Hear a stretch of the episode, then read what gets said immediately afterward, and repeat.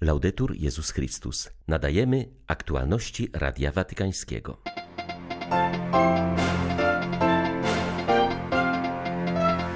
Prawdziwy pokój można osiągnąć, gdy będziemy dążyli do zbudowania porządku społecznego opartego na powszechnym braterstwie i sprawiedliwości dla wszystkich, powiedział papież podczas audiencji dla polityków i prawodawców. Porwane w niedzielę na południowym wschodzie Nigerii cztery siostry zakonne zostały uwolnione. W tym afrykańskim kraju mnożą się porwania dla okupu ze strony grup terrorystycznych. Mija pięć lat od wypędzenia z Birmy ludu Rohingya. Według sekretarza generalnego ONZ to najbardziej prześladowana mniejszość etniczna na świecie. 25 sierpnia witają Państwa Łukasz Sośniak i ksiądz Krzysztof Ołdakowski. Zapraszamy na serwis informacyjny. Zachęcam Was do uobecniania świeckości w Kościele z łagodnością, bez roszczeń, z determinacją i z autorytetem, który płynie ze służby, powiedział papież do uczestników Zgromadzenia Ogólnego Światowej Konferencji Instytutów Świeckich. Ojciec Święty zwrócił uwagę, że styl obecności członków Instytutów Świeckich wyraża styl samego Boga, który okazał swoją bliskość i miłość dla ludzkości. Tajemnica wcielenia jest początkiem tej relacji, która czyni nas braćmi i siostrami każdego stworzenia i wzywa do niesienia dobra we wszystkie obszary życia.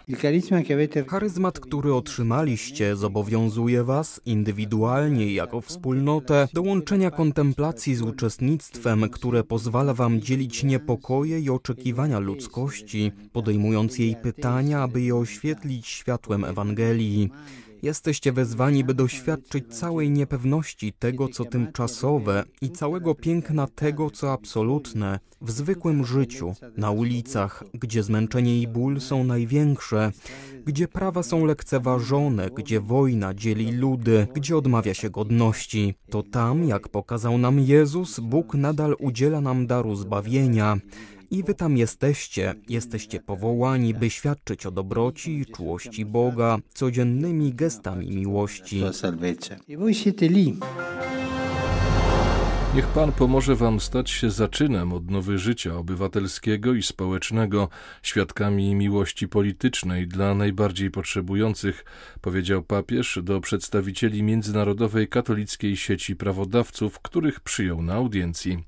Zebrali się oni, aby podjąć refleksję nad promowaniem sprawiedliwości i pokoju w obecnej sytuacji geopolitycznej, naznaczonej konfliktami i podziałami, które dotykają wielu obszarów świata. Ojciec Święty zwrócił uwagę, że sprawiedliwość zakłada konkretne działania mające na celu budowanie właściwych relacji z Bogiem i z innymi, tak aby dobro jednostek i wspólnoty mogło się rozwijać. Sprawiedliwe społeczeństwo nie może istnieć bez więzi braterstwa. Potrzebni są dzisiaj zdolni przywódcy inspirowani braterską miłością, skierowaną przede wszystkim do tych, którzy znajdują się w najtrudniejszych warunkach życia. Papież podkreślił, że wysiłek budowania wspólnej przyszłości wymaga ciągłego dążenia do pokoju. Pokój nie jest po prostu brakiem wojny. Droga do trwałego pokoju wymaga współpracy, zwłaszcza ze strony tych, którzy ponoszą większą odpowiedzialność w dążeniu do celów, które przynoszą korzyści wszystkim. Pokój rodzi się z trwałego zaangażowania we wzajemny dialog, cierpliwego poszukiwania prawdy i gotowości do przedkładania autentycznego dobra wspólnoty nad osobiste korzyści.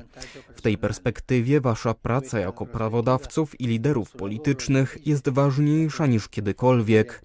Prawdziwy pokój można bowiem osiągnąć tylko wtedy, gdy poprzez dalekowzroczne procesy polityczne i legislacyjne będziemy dążyć do zbudowania porządku społecznego opartego na powszechnym braterstwie i sprawiedliwości dla wszystkich. Dramat porwanych sióstr zakonnych w Nigerii zakończył się szczęśliwie. O uwolnieniu czterech zakonnic poinformowała sekretarz generalna Zgromadzenia Jezusa Zbawiciela. Chrześcijanie cały czas boją się, nikt nie może być pewny, że wróci do domu żywy, powiedziała Radiu Watykańskiemu siostra Asensio Madukai, dyrektorka do spraw misji zgromadzenia. Porwania w Nigerii to przykra codzienność. Pasterze Fulani, wiejskie gangi oraz ekstremiści z islamskiego ugrupowania Boko Haram nadal uprowadzają ludzi dla okupu. Na celowniku są szczególnie chrześcijanie. W ostatnich miesiącach bandyci uprowadzali głównie księży i ludność cywilną. W niedzielę porwali cztery zakonnice. Rząd i siły bezpieczeństwa nie mogą sprostać sytuacji i zapewnić ochrony obywateli. Nigeryjscy biskupi odradzili płacenie jakichkolwiek okupów, uznając, że może to zachęcać do przestępczości. O okolicznościach porwania sióstr mówi siostra Madukaj. To była straszna sytuacja. Siostry były w drodze, aby dołączyć do innej współsiostry na mszę dziękczynną za złożenie przez nią ślubów wieczystych. Po wyruszeniu w drogę zostały zaczepione i uprowadzone przez uzbrojonych mężczyzn. Spędziły dwa dni bez jedzenia, bez picia, bez niczego. Porywacze skontaktowali się ze zgromadzeniem, licząc na uzyskanie okupu. Całe zgromadzenie natychmiast rozpoczęło intensywną modlitwę. W końcu je uwolnili. Porwania księży i sióstr biorą się stąd, że politycy dają milczącą zgodę na te porwania i zabójstwa chrześcijan. Rząd musi w końcu zasiąść do stołu i zapewnić Nigeryjczykom bezpieczeństwo. W tym momencie naprawdę nie wiem, czym oni w ogóle się zajmują. Ludzie giną. Wszystkim towarzyszy wielkie napięcie. Atenção! Dzień Niepodległości minął na Ukrainie wśród dźwięku ostrzegawczych syren i zmasowanych ostrzałów rakietowych na terytorium całego kraju.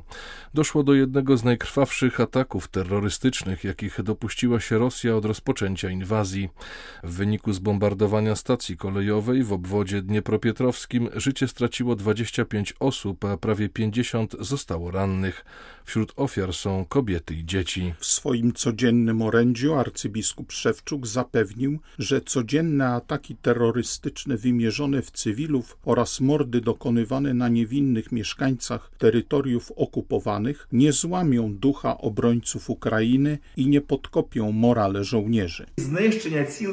Niszczenie całych miast czy regionów i mordowanie ich mieszkańców to zbrodnia przeciwko Bogu i ludzkości, która musi doczekać się przykładnego ukarania. To zło dzieje się każdego dnia na wschodzie i południu naszej ojczyzny. W tych regionach ma miejsce także inna straszna zbrodnia, a mianowicie wykorzystywanie w walce dzieci i młodzieży. Także dorośli mieszkańcy okupowanych terenów są często posyłani przez Rosjan na pierwszą linię frontu. Kościół stanowczo potępia wszelkie akty terroryzmu, jakich dopuszcza się agresor. Nawet jeśli jakiś cel z politycznego punktu widzenia wydaje się uzasadniony, nikt nie ma prawa posłużyć się terrorem, aby go osiągnąć. Niestety nasza ojczyzna zmuszona jest bronić się przed rosyjskim terroryzmem każdego dnia na różnych frontach, a posługiwanie się terroryzmem w imię Boże to już profanacja i świętokradztwo, zniewaga samego Boga. Stabilizuje się sytuacja gospodarczo-polityczna w Republice Środkowoafrykańskiej. Dzięki najemnikom sprowadzonym przez rząd oraz obecności wojsk ONZ, rebelianci, którzy jeszcze pół roku temu terroryzowali niemal cały kraj, wycofali się na obrzeża większych miast i do buszu. Zaczęła funkcjonować administracja państwowa, urzędy i transport. Odkąd rolnicy wrócili do uprawy pól, zniknęło także widmo głodu. Jak zauważa polski misjonarz biskup Mirosław Gucwa, problemy pojawiają się jedynie w północno-zachodniej części kraju, czyli na terenach, gdzie trwa konflikt pomiędzy rolnikami a hodowcami bydła. Hodowcy, w większości muzułmanie, wypasają krowy na polach uprawnych, niszcząc w ten sposób plony, wyjaśnia ordynariusz diecezji Bułar. Próbujemy rozmawiać e, z hodowcami, z ich e, szefami i zobaczymy, jakie owoce przyniosą te rozmowy i ponadto też e, pomagamy tym rolnikom, dlatego że na początku pory deszczowej nie mieli nasion na zasiew, nie mieli też narzędzi do pracy, a więc jako caritas diecezjalny staramy się im pomagać. Miejmy nadzieję, że w czasie czasie tych zbiorów hodowcy będą bardziej wrażliwi na pola. Taka jest sytuacja i dzięki temu mogliśmy w ciągu tego roku duszpasterskiego normalnie pracować w parafiach i większych, mniejszych wspólnotach. We wszystkich prawie parafiach, miejscach, no ludzie mówili, że sytuacja jest lepsza, czują się bardziej bezpiecznie, mogą pracować, z wyjątkiem właśnie tych dwóch parafii, gdzie istnieje problem pomiędzy e, rolnikami i hodowcami bydła. Dzięki temu też liczba chrześcijan po tym okresie covidowym po okresie e, rebelii, kiedy są celebracje e, w niedzielę, wzrasta. Pięć lat temu rząd Birmy zaatakował mniejszość Rohingya i wypędził ją do Bangladeszu. Apele o pomoc tej muzułmańskiej społeczności nie przyniosły jak dotąd rezultatów. Los ludu Rohingya jest w Birmie ciężki już od dziesięcioleci. Nacjonaliści buddyjscy starali się wydalić wyznawców islamu już w latach pięćdziesiątych Rząd stanął na stanowisku, że nie istnieją oni jako osobna grupa etniczna, lecz są imigrantami z Bangladeszu. Setki tysięcy osób z sunnickiej mniejszości muzułmańskiej zostały wygnane przez wojsko z większości buddyjskiej Birmy na przełomie sierpnia i września 2017 roku.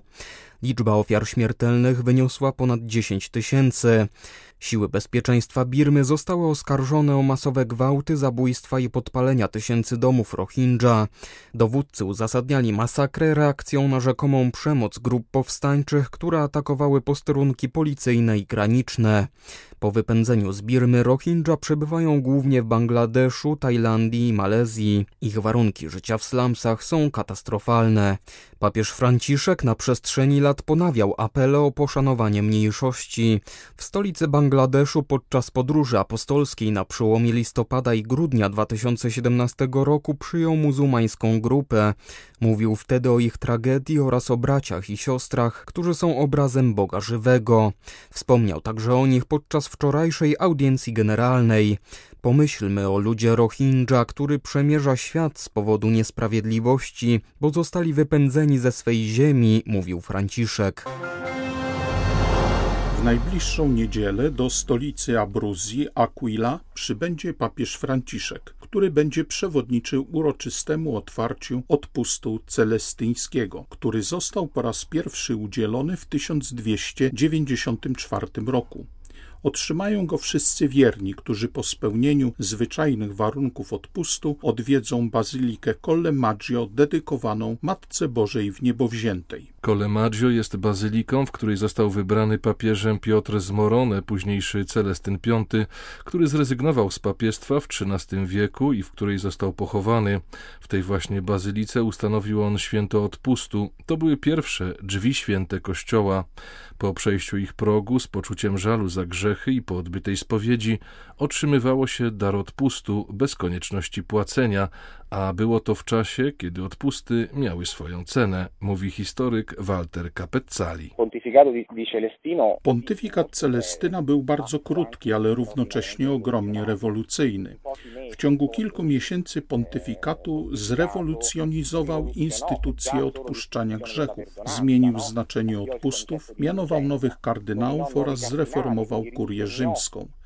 Być może postawa, którą przyjął, postawiła go w negatywnym świetle, ponieważ w następstwie jego rezygnacji wzmogły się później działania będące jej przyczyną. Rezygnacja Celestyna nie była wyrazem ucieczki od odpowiedzialności. To był odważny gest, za który zapłacił potem uwięzieniem przez swojego następcę. Jego wrażliwość duchowa nie pozwoliła mu na przyjęcie postawy typowej dla władzy w tamtym czasie. Również w kurii rzymskiej istniały frakcje, napięcia oraz spory. Celestyn, przyzwyczajony do bycia eremitą żyjącym na pustyni, nie mógł tolerować takich postaw. Były to aktualności Radia Watykańskiego. Laudetur Jezus Chrystus.